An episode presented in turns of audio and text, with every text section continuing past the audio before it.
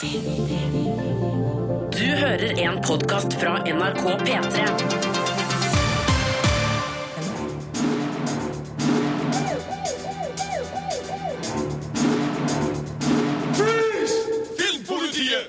Og det er fredag! Og det er faktisk starten på vinterferien i store deler av landet. Velkommen til Filmpolitiet. Marte heter jeg, og har med meg min makker Sigurd. Hallo, hallo. Sjalabais, eh, Marte Hedenstad. Sjalabais. Og i dag Sigurd, så har vi også et nytt medlem i eh, Konstabelpatruljen her. Det har vi. Ja. Få høre hva du heter. Fredrik Øyen, god dag. Yes, god dag. Vi har nemlig fått en praktikant i Filmpolitiet, og det skal vi utnytte. Du skal jo eh, anmelde Sniper Elite 4 i dag, Fredrik. Det skal jeg. Det blir bra. Eh, Jeg har sett den nye norske komedien Det norske hus, som jeg syns er kjempemorsomt. Men, eh, men du, Sigurd, du har jo sett en skikkelig storfilm denne uka her, du. Jeg har sett den dyreste filmen noen gang spilt inn i Kina. For i Kina har Matt Damon vært med hestehale, og det har resultert i actionfilmen The Great Wall. Oi, oi, oi. Kan det være bra, Marte? Filmpolitiet anmelder film. Vi skal til Kina, for The Great Wall er den dyreste filmen eh, som er spilt inn i Kina noensinne. Eh, og her besøker Hollywood-stjerner som Matt Damon og Willem Dafoe den kinesiske mur i en gigantisk eh, eventyrfilm regissert eh, av den kinesiske regissøren Yimou Zhang. Uh, ikke at jeg kanskje uttalte det rett, men uansett. Han har jo laga filmer som Hero og Flyvende dolker tidligere, og min makker Sigurd Vik har sett resultatet. We have traveled thousands of miles in search of a weapon more powerful than we have ever known. Det spares ikke på kruttet når Kina går sammen med Hollywood for å lage en episk eventyrfilm fra den kinesiske mur. The Great Wall er fargevakker og tidvis spektakulær i de innledende actionsekvensene, men til tross for stjernekraften til Matt Damon, masse dyre spesialeffekter og flere kinesiske kjendiser, så blir det her en middelmådig eventyrfilm. Handlinga er altfor forutsigbar, humoren er tafatt, og filmens grønne monster blir etter hvert til en eneste stor effektgrøt som ruller over lerretet.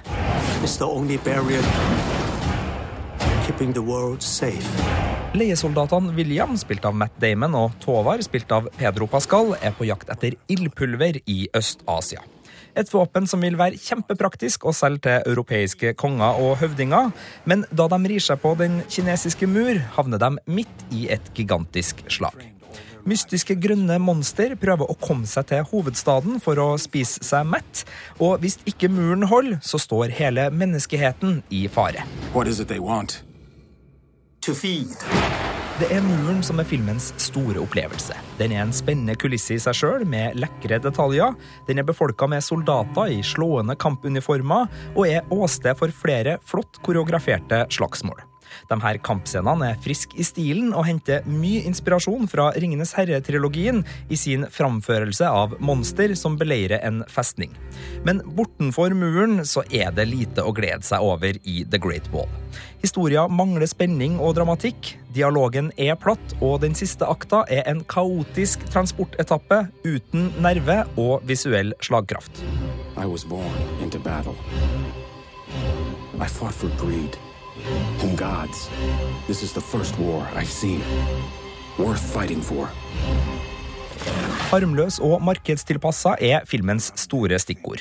Her er det ingen brodd, ingen kontroversielle valg, ingenting som kan støte eller fornærme publikum uansett kultur eller politisk overbevisning. Det gjør The Great Wall til en tydelig og enkel film. Det er lett å selge på alle verdens kinomarkeder. Men for oss som er bortskjemt med godt fortalt fantasy-action med gigantiske budsjetter og gode replikker, så blir det her fort kjedelig. Terningkast tre. Filmpolitiet Does that sound good to you? På P3. Vi skal til Berlinalen, filmfestivalen i Berlin her i Filmpolitiet nå, for der har du vært denne uka, Birger. Velkommen hjem. Jo, takk skal du ha. Hvordan har det vært? Det har vært eh, utrolig fascinerende, for Berlinalen er jo en svær festival. Eh, De viser 399 filmer, har jeg lest. Eh, i flere forskjellige sideprogrammer, så det går jo nesten ikke an å få full oversikt over hva som skjer på Berlinalen. Men jeg har eh, sett eh, en god del film. Noe har vært bra. Det meste har vært middels. En av filmene du har sett den siste uka, er jo oppfølgeren til Trainspotting. Altså Danny Boyle har laga T2 over 20 år etter den første filmen om dopene i Edinburgh. Hvor er de nå 20 år etter? Ja, De har blitt 20 år eldre, faktisk, men eh, det har kanskje ikke skjedd så veldig mye med dem. Noen sliter fremdeles med narkotika, noen sitter fremdeles i fengsel, og så kommer jo da Mark Renton, spilt av Ewan McGregor, hjem til Edinburgh for første gang på 20 år, og gjenopptar kontakten med sine gamle venner, spesielt da Simon, eller Sickboy, og også Spud, mens han prøver å holde seg unna Begby, som eh, ja, sitter i fengsel i starten av filmen, men jeg kan jo si såpass at han gjør ikke det så veldig lenge, da. Kan filmen måle seg eh, med originalen, da? Eh, nei, altså, den kan jo ikke det. Eh, Nå må vi huske at eh, 1996-filmen eh, den, den slo jo ned som et popkulturelt eh, skrall, og eh, gjorde jo både regissør Danny Boyle og spesielt Ewan McGregor til store stjerner, og den traff et eller annet i sin samtid. Den sa noe viktig om hvordan det var å være ung på midten av 90-tallet. Eh, Den nye filmen eh, forteller kanskje mer om hvordan eh, det er å være noen og 40 for akkurat disse figurene, eh, og tar ikke så mye tempen på samtida. Men det er en eh, energisk film, og jeg har da kalt det et hjertelig og bittersøtt gjensyn, og det er jo ikke det verste man kan eh, få på kino. Vi skal litt videre, for Ole Jævers nye film fra Balkongen hadde verdenspremiere i Berlin. Og i den forrige filmen, Birger, eh, Mot naturen, så er det han selv som spiller hovedrollen. Men denne gangen så, så har han valgt å lage en dokumentar, og han er seg selv. Hvordan fungerer det? Ja, altså Det er jo da et eh, filosofisk essay, det her, der eh, Giæver eh, har betraktninger om eh, livet. Og eh, det er av den typen tanker som jeg tror veldig mange av oss går rundt og har, men kanskje ikke uttrykker så mye til andre. Så eh, sånn sett så kan det jo være eh, forfriskende og forløsende å se at eh, Ole Giæver gjør det på film foran kamera. Veldig modig gjort. Eh, samtidig som at noen av de her eh, tankene kanskje er litt sånn ja, banale og kanskje til og med litt naive, men eh, det er en eh, lekende og eksperimentell film, og jeg kan jo ikke si eh, mer enn at jeg likte den. Det, det fungerer. Helt til slutt, eh, Birger, hva var det beste du så på Berlinalen? Ja, det var faktisk en finsk film, som da jeg ikke skal prøve å si den finske tittelen på, men på engelsk så er den kalt The Other Side of Hope.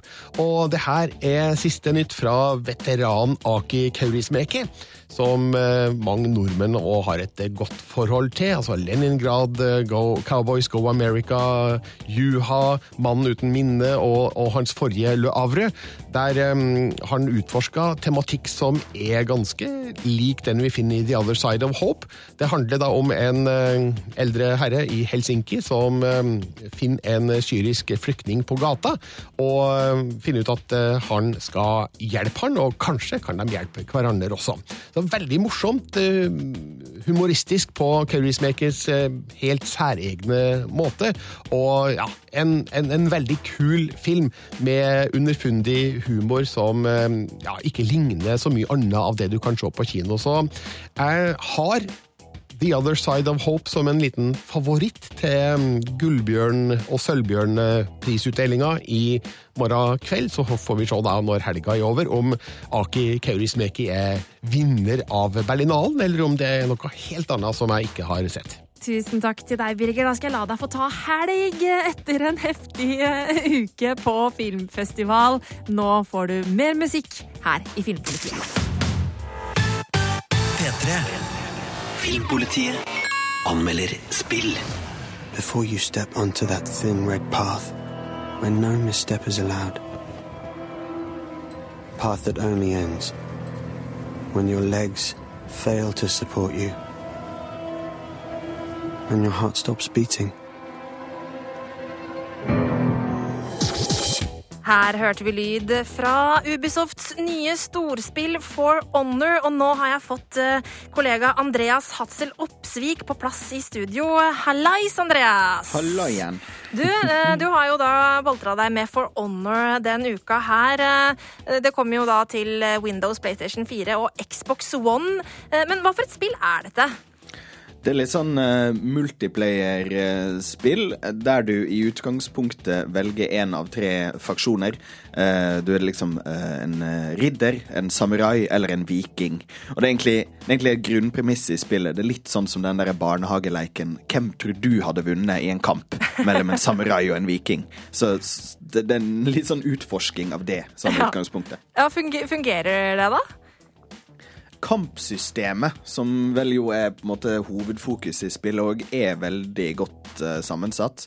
Uh, og det er ulike moduser du kan spille her. Du kan liksom enten uh, kjøre sånn der du skal prøve å ta over forskjellige områder på et kart, eller så kan du ned i litt sånn mindre moduser med én mot én, to mot to eller fire mot fire. Og det er spesielt sånn i den der én mot én, i ren sånn duell. Det er da jeg syns det spillet her fungerer best. For da, da, da klarer du faktisk å ha et uh, kampsystem som er tett og godt, og på en måte uh, Hvis du er flink, så vises det i spillet. Eh, og det er jo en sånn mestringsfølelse der som er veldig, veldig fin. Altså. Og, og den er absolutt best når det er én mot én. Ja, det er noen, altså, eh, akkurat dette med kampsystemet og, denne nærkampen er jo noe av det som har gjort at eh, folk har sett så mye frem til det spillet her. Det ble jo annonsert under E3-messa i, i 2015. Mm. syns du at det, det lever opp til forventningene? Jeg synes at akkurat det kampsystemet syns jeg lever opp til forventningene. Det er, det er rett og slett spennende og godt gjort, og, og, og det er litt sånn eh, altså, Det er kanskje en klisjé å nevne noe som sjakk i en sånn sammenheng, men, men akkurat her så syns jeg faktisk det, det fungerer. Sånn, spillet utapå det er, er litt sånn helt OK. Eh, men og, og sånn, eh, enkeltspillerhistorie, det er mer som en lang tutorial osv. Det, det, det finnes flere ting jeg kan trekke eh, sånn utgangspunktet på, men, men selve, selve kampsystemet lever absolutt opp til det. Mm.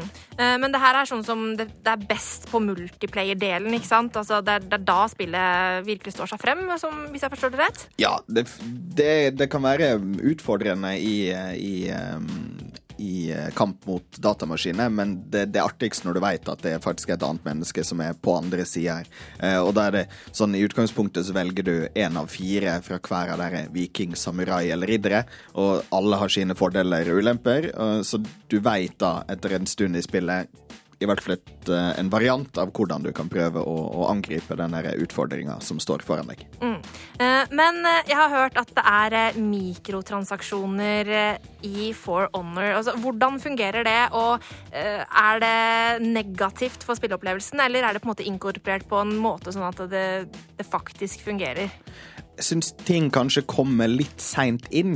Eh, det her eh, Det er jo lett å si, for så vidt. Men det her faller litt sånn i, i samme typen spill som Ubisoft har fokusert på nå, kanskje det siste eh, året, halvannet året. Men sånn som The Division, eh, Rainbow Six Siege og Steep, som alle er sånne fokuserte multiplayerspill som har en sånn mikrotransaksjon-variant utapå seg. Eh, og det, jeg føler ikke at jeg må ha det enda, men jeg, jeg tenker kanskje at hvis du begynner det her spillet her om eh, fire uker uten å ha spilt det før, så tror jeg du kan møte på ganske tung motstand. Altså. Ja. Eh, Du driver og skriver på en eh, anmeldelse, Andreas, men eh, du er ikke helt klar med terningkast enda, har jeg forstått? Ikke helt klar ennå. Det er absolutt et godt inntrykk av spillet, og hvis du har sansen for den der nesten litt sånn slåssespillaktige kampen eh, mot andre spillere, så tror jeg absolutt det kan være gøy her. Men, men det, det, den er pakka utapå som jeg ikke syns fungerer like godt som selve kampsystemet. Ja. Eh, Og anmeldelsen til Andreas kan du lese på p3.no filmpolitiet på søndag. Filmpolitiet. På P3. Filmpolitiet anmelder film. Den nyeste filmen til regissør og manusforfatter Jan Vardøen, det er eh, politisk satire med innvandring og norsk asyl- og flyktningspolitikk som eh, tema. Eh, ganske tunge greier kan det kanskje høres ut som, men jeg syns at det her var en eh, dritmorsom film. jeg. Det er bare å drikke. Du er i Norge nå, vet du. Lukter godt. Lukter godt, ja. Det smaker enda bedre. Det norske hus er en herlig blanding av lun humor og mer bitende satire, krydret med artige grep fra norske folkeeventyr. Både nettrollene, norske politikere og det statlige byråkratiet får gjennomgå, men eh, mest av alt blir den gjengse nordmanns selvtilfredshet harselert med i denne filmen. Dette er Q. Han kommer til å gi deg alt du trenger for å klare deg i Norge. Følg godt med. Appelsiner. En bjørnefitte, vær så god. Bjørnefitte? Ja. Ramin, spilt av Shahrukh Kawusi, kommer syklende over grensa til Norge. Han er en intelligent og ressurssterk fyr fra Midtøsten som er på vei til akademiet for å lære å bli norsk. Kun gjennom å bestå en rekke prøver om norsk kultur vil han få oppholdstillatelse. Stryker han, er det rett ut. Kan jeg komme inn? Å ja. Ja. Nei. Med nasjonalromantisk bakteppe tar filmskaper Jan Vardøen nordmenns urokkelige tro på egen fortreffelighet på kornet i Det norske hus. Vardøen harselerer med vår dobbeltmoral og våre fordommer og forventninger til innvandrere. Du må gjerne komme hit, men for all del, ikke ta kulturen din med deg. Skal du være her, må du gjøre som oss, kle deg som oss, spise av oss. Satiren er svært treffende, men blir for åpenbar og overtydelig ved et par anledninger. Både Siv Jensen og Per Sandberg blir parodiert i filmen, og her bikker det over fra smart satire til plump humor. For eksempel har scenen som innebærer en Good Journey-T-skjorte, en leppestiftkjole og en strap-on lite å si for handlingen, og er kun en åpenbar langfinger i retning de to politikerne. Oppholdstillatelse?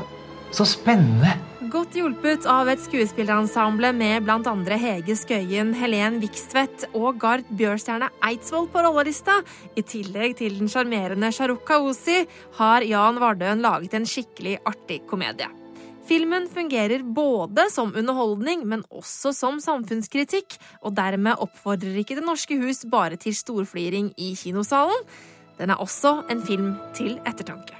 Mellomleggspapir. Kan du si det? Oppholdstillatelse? Nei. Terningkast fem. Filmpolitiet På P3. This is fucking awesome. Jeg måtte bare. Macclemore, Ryan Lewis og Vance. Thrift Shop. Sigurd Vik, er, det dette denne, er dette låta du hører på når du skal gjøre deg klar for eh, helg? Eh, det- det var det nå. Det var det Men jeg var ikke klar over at jeg sto her i studio med hiphopartisten Marte Jo, Hedenstad. Det er jo, jo, jo. kjempehyggelig å, å få, få oppleve eh, sånn kunstskade Ja. på, på fredagen. Det, du har det, altså. Ja, takk, takk. Du har det. Jeg Du eide den det. slutten. Ja, tusen takk. Ja, ja, Ja, ja. var trivelig. Uh, Sigurd, du er ikke her for å snakke om uh, mine hiphop-skills. du, Nei, det òg, da. du skal snakke om film, fordi eh, vi skal snart eh, ta eh, og få en liten anmeldelse av den nye filmen til en viss anerkjent regissør. Ja, det er en film som heter A Cure for Wellness, som kommer på kino i dag, og den er laga av regissør Gore Jeg har lyst til å si Verbinski, det er sånn jeg uttaler. Eller Ja, Verbinski. Han har laga ja. remaken av The Ring, han har laga de tre første Pirates of the Caribbean-filmene, han har laga Rango, The Lone Ranger, og så er han veldig kjent for oss som er glad i 90-tallspunk, for han laga musikkvideoer for NoFX og Bad Religion og sånn, så han er liksom Han er en kul fyr, da. Ja. Han har gjort mye kult, så jeg er jo litt sånn gira når det kommer ny film med han. Ikke sant? Men før vi hører din anmeldelse av A Cure for Wellness, så skal vi over til det motsatte av punk fra 90-tallet, nemlig Kygo og Selena Gomez. Filmpolitiet. Dette er P3. Filmpolitiet anmelder film. We'd like you to go to Switzerland and bring Mr. Pembroke back to us. You plan to take Mr. Pembroke back with you? Is that a problem? He's a patient, not a prisoner. Uh, stemning. Dette her var lyd fra A Cure for Wellness. Sier du har sett den filmen her, går Verbinskis nyeste film. Skrekk denne gangen, altså? Ja, en blanding av eh, litt sånn psykologisk thriller eh, på institusjon og uh, skrekkfilm. og det er veldig mye som er bra her, men jeg har sjelden sett en film som spriker så mye mellom det som virkelig funker, og det som virkelig er pent, og det som bare aldeles ikke henger på greip og funke i det hele tatt. Å nei! Ja, det er et lite å nei her. Fordi uh, filmen er, den er utrolig vakker. Det her er kjempepent filma, og det foregår i de sveitsiske alper. Det er en forretningsmann som eh, skal eh, fra USA, som har eh, tatt inn på et sånt eh, helsehotell der. Og, så er firmaet hans i New York litt bekymra, for han begynner liksom å fornekte kapitalismen i brevs form fra det her eh, spahotellet. Og så trenger de han for å komme med en underskrift på sånn fusjonspapirer, så de sender en mann for å hente den. Men når de kommer til det her eh, institusjonen i de sveitsiske alper, så viser det seg at eh, folk vil jo ikke dra derfra. Nei. Og etter hvert så begynner vi å skjønne at eh, her er det noe spesielt som skjer. Kanskje Ja. noe litt eh, mystisk. eh, Så litt sånn konspirasjon, paranoia-thriller. Og der er filmen god. Ser knallbra ut, alt er bra. Men så er det også en skrekkfilm. Og det, det funker en- ikke sammen? Nei, for der er det annen tone, annen stil, annen estetikk, og filmen varer i to og en halv time. Og Gore Verbinski prøver å merge de her to filmene sammen, men altså Nei. Og så er den like subtil som Metallica når de spiller riff på å hinte om slutten, så du skjønner egentlig slutten etter ca. 45 minutter, og da sitter i over en time til, og, og han dundrer jo løs med litt sånn Du hørte den der stemmen, den her Ja.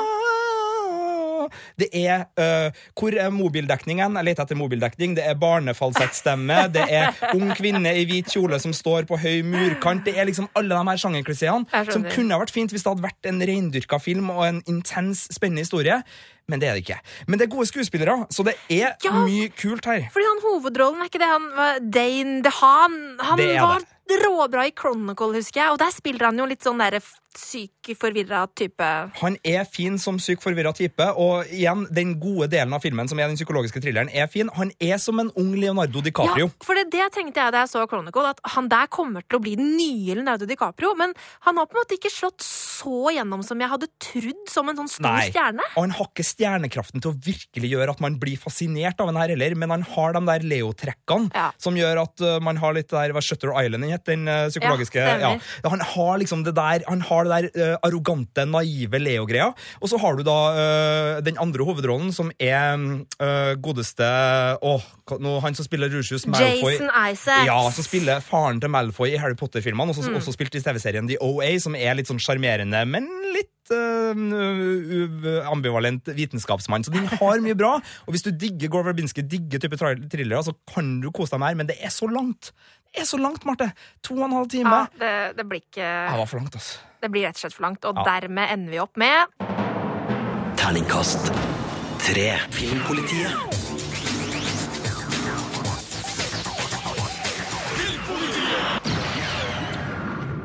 Filmpolitiet anmelder spill.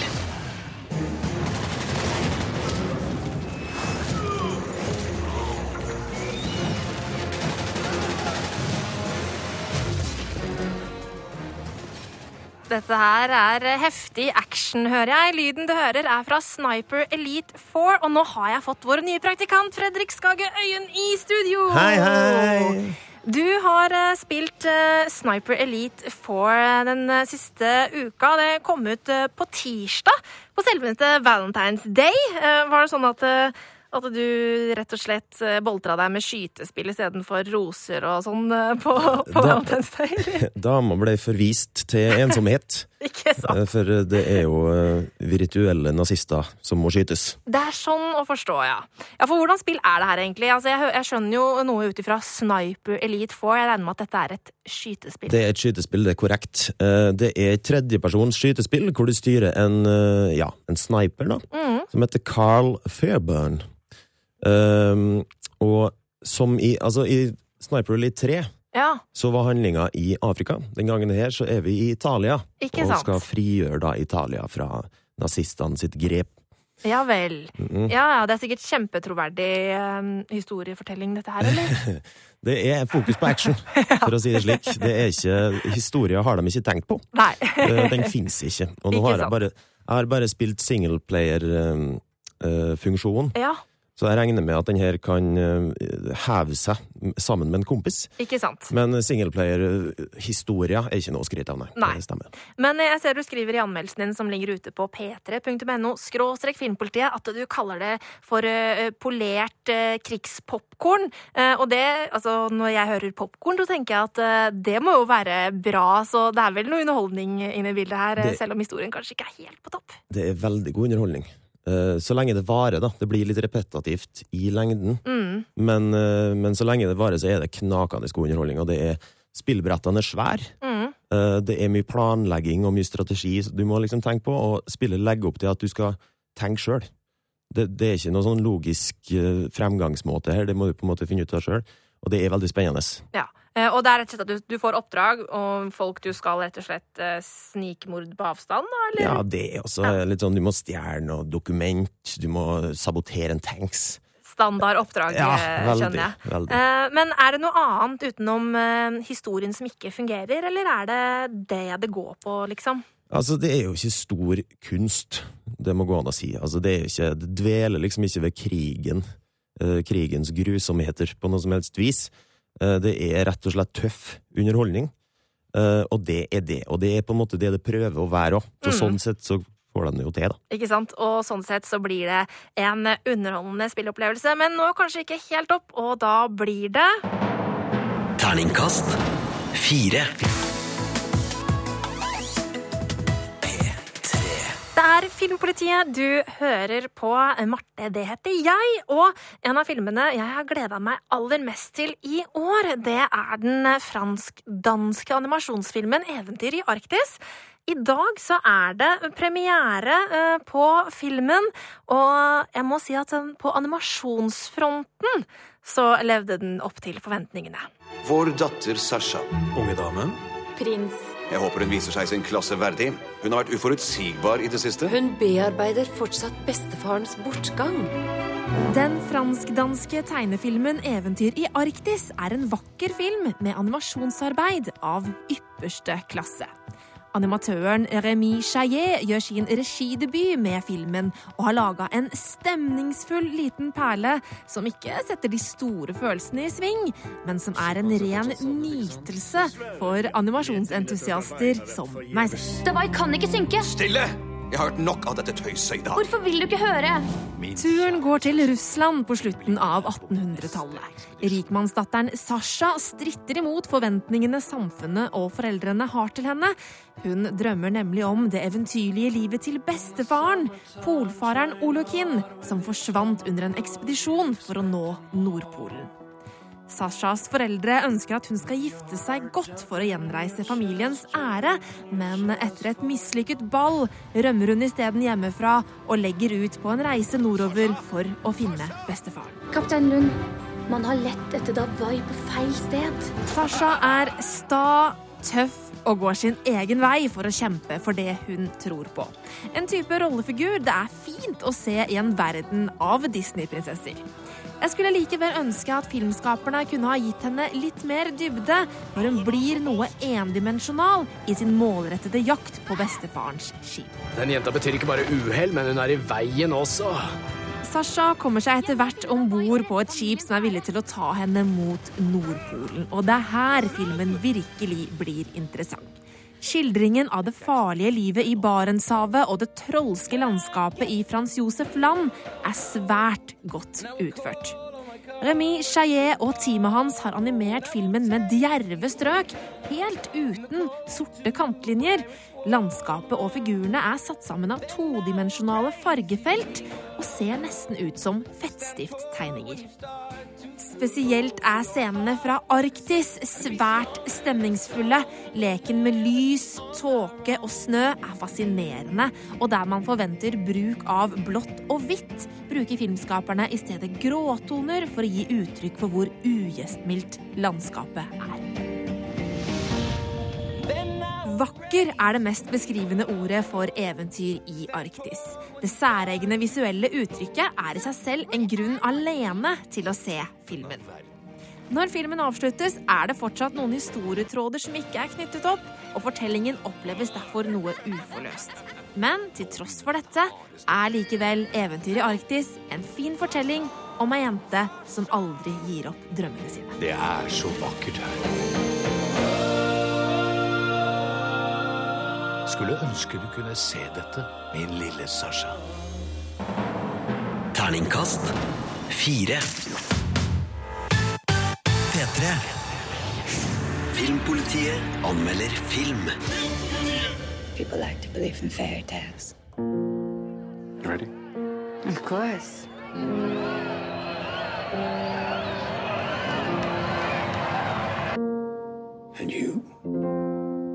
that the characters we read about on the page end up being more real than the men who stand beside us.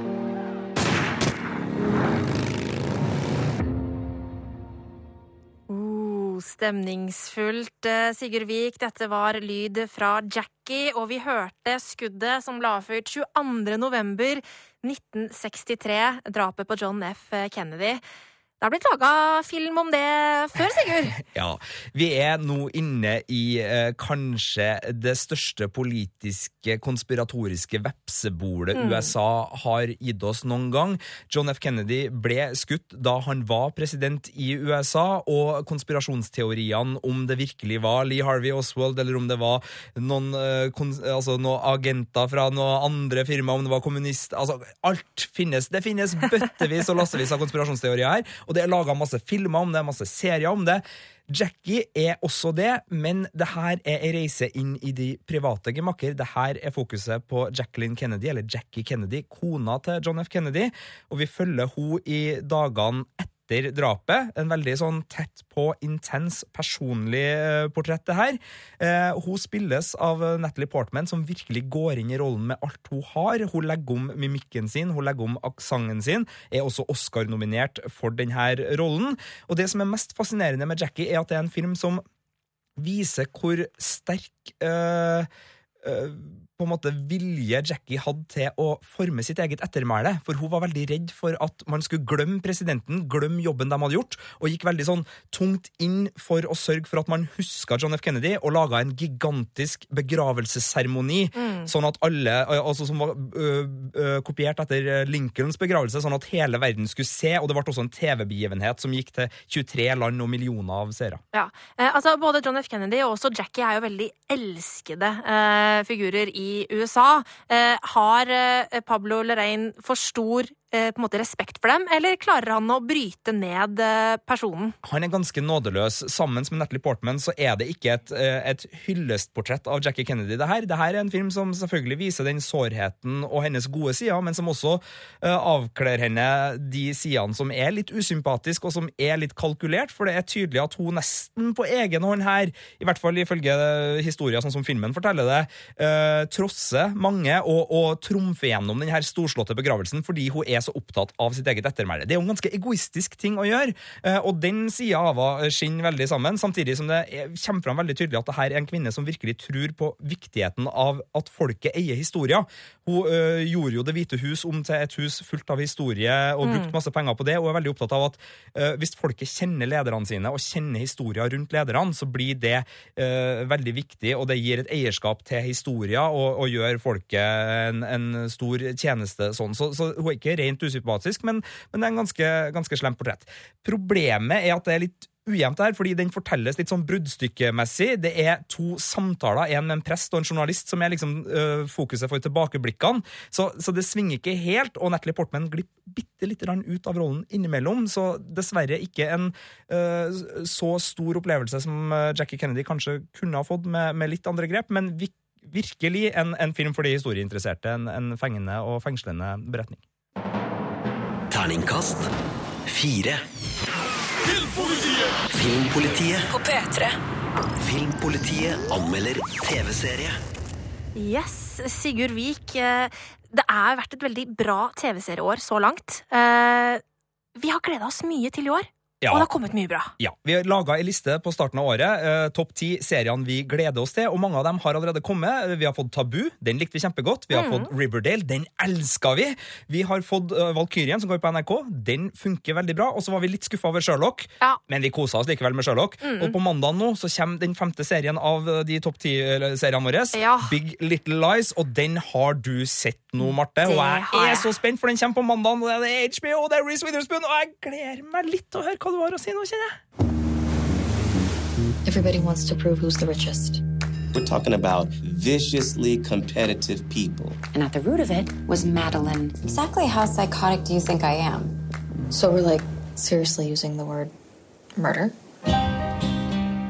Og jeg kan avsløre, Sigurd, at det er bare å fortsette på denne, denne bølgen av gode TV-serier, for jeg digger Big Little Lies, og jeg gjorde det fra de første to minuttene eh, av serien, så tenkte jeg, dette her, dette blir så bra det. Du, Bare gi meg rollelista kjapt her. Ja, ok, den er jo helt vill. Alexander Skarsgård, Laura Dern, Adam Scott, Sarah Baker, eh, Sarah Burns, uh, PJ Byrne, uh, Nicole Kidman, eh, Eh, Shailene Woodley, ja, altså. Og Reece. Witherspoon. Altså, det er, eh, det er Rollelista er helt insane, eh, og jeg skjønner godt at såpass profilerte skuespillere har eh, valgt å bli med i det dramaet her. På forhånd så tenkte jeg at dette her var en litt sånn blanding av Mean Girls og Pretty Little Liars, bare for voksne. Men det har mye mer dybde enn bare det. Altså, vi befinner oss eh, i litt sånn derre småby, eh, fine koner eh, som i et hjemmeværende mødre som kniver om konkurransen og hvem som har makta på barneskolen. Um, og det er litt sånn der, Da jeg først begynte å se, så tenkte jeg dette her, dette er en klisjé. Men så etter hvert så får vi jo se at det er mye mer som ligger bak eh, de forskjellige rollefigurene. For det høres også litt ut på traileren der som at det kunne ha vært Riverdale, bare i Ja. en voksen, eh, mer voksen setting. Man tar liksom det typiske amerikanske, og så pirker man Mm. bort eh, alt løvet, og så finner man ut at det er ganske mye dritt og mørkt og møkkete og fælt Yes. under. For det er akkurat det som skjer. Uh, Woodley spiller en alenemor som kommer da til denne eh, idylliske plassen. Eh, hun har med seg en mørk fortid. Og så via frempek eh, fra et eh, avhørsrom så får vi se uh, rykte, ryktespredning og liksom sånn om hva som har skjedd. Vi vet ikke helt hva det er, men som vi hørte i det lydklippet, Are we talking about murder? Eh, er det et mord som har skjedd, og hvem er det i så fall som blir drept, og hvem er det i så fall som har gjort det? Og så bygger da serien opp til dette øyeblikket, som jeg regner med kommer i siste episode, som jeg ikke har fått sett! Ja, for du har sett hvor mange episoder? Seks av syv episoder! Det er, det er nesten tortur å være Ja, serieanmelder av og til, ikke det, Marte Hedenstad? Skikkelig synd på deg. Ja, Uff. og så syns jeg det er litt vanskelig, fordi at eh, serien bygges opp veldig godt eh, hele veien med både frempek og tilbakeblikk, eh, men også eh, litt sånn tankespinn, eh, og at vi får visualisert hva spesielt Shailene Woodley tenker. Så det er ikke alltid like lett å finne på hva er det som egentlig skjer her nå, hva er det som egentlig er sant. Eh, og derfor er det litt sånn irriterende å ikke få sett siste episode før jeg skal anmelde, fordi alt liksom står og henger på den siste episoden nå. Da krysser jeg fingrene for at det her ikke er nok en True Detective som ødelegger alt i siste episoden. Det er nettopp Min mening, Men hva gir du som terning, da? Åh, det blir ganske så bra. Terningkast fem. Ja, og jeg må bare si, eh, jeg binsja Little Big eh, Lies eh, i en eneste bunch. Big Little Lies i en eneste bunch. Og episoden, eller serien slippes dessverre én og én, men det begynner på mandag, så det er bare å glede seg. Trivelig. Sigurd Vik, Filmpolitiet Ja. er ferdig for i dag, det. Ja, Og ut fra uttalen din nå, så er jo det Kanskje vi skal Kanskje det er like greit? Nei da, bare tulle! Men selv om Filmpolitiet er over, så betyr ikke det at underholdningen er over. Det er jo så mye som skjer den kommende uka og denne uka! Det er det. Det er fint. Det er helg, og det er, er straks helg, og det er også vinterferieuke for mange. Og det er sju premierefilmer på kino, så bare stikk inn på p3.no filmpolitiet, så kan du lese anmeldelser av alle kinofilmene der. Det Yes! er noen virkelig gode. Det er også uh, spillpremierer nå. Det er Sniper Elite 4, som er et godt underholdende skytespill. Og så er det For Honor, som også kommer nå, som du kan spille i helga, og eventuelt hvis du har fri, da. Hvis du har fri. Og så er det også TV-seriebonanza på mandag. Da kommer HBO med Big Little Lies, som vi eh, anmeldte, og du ga terningkast fem her nå. Eh. Billions sesong to vender tilbake. Det er en serie vi liker godt her. Og så kommer det anmeldelse av uh, Crashing på Filmpolitiets nettsider i løpet av helga. Det er en komiserie som også begynner på HBO på mandagen, så mye. Bare kos deg. Og med det så sier vi i Filmpolitiet god helg! Filmpolitiet På P3. Du finner flere podkaster på p3.no podkast.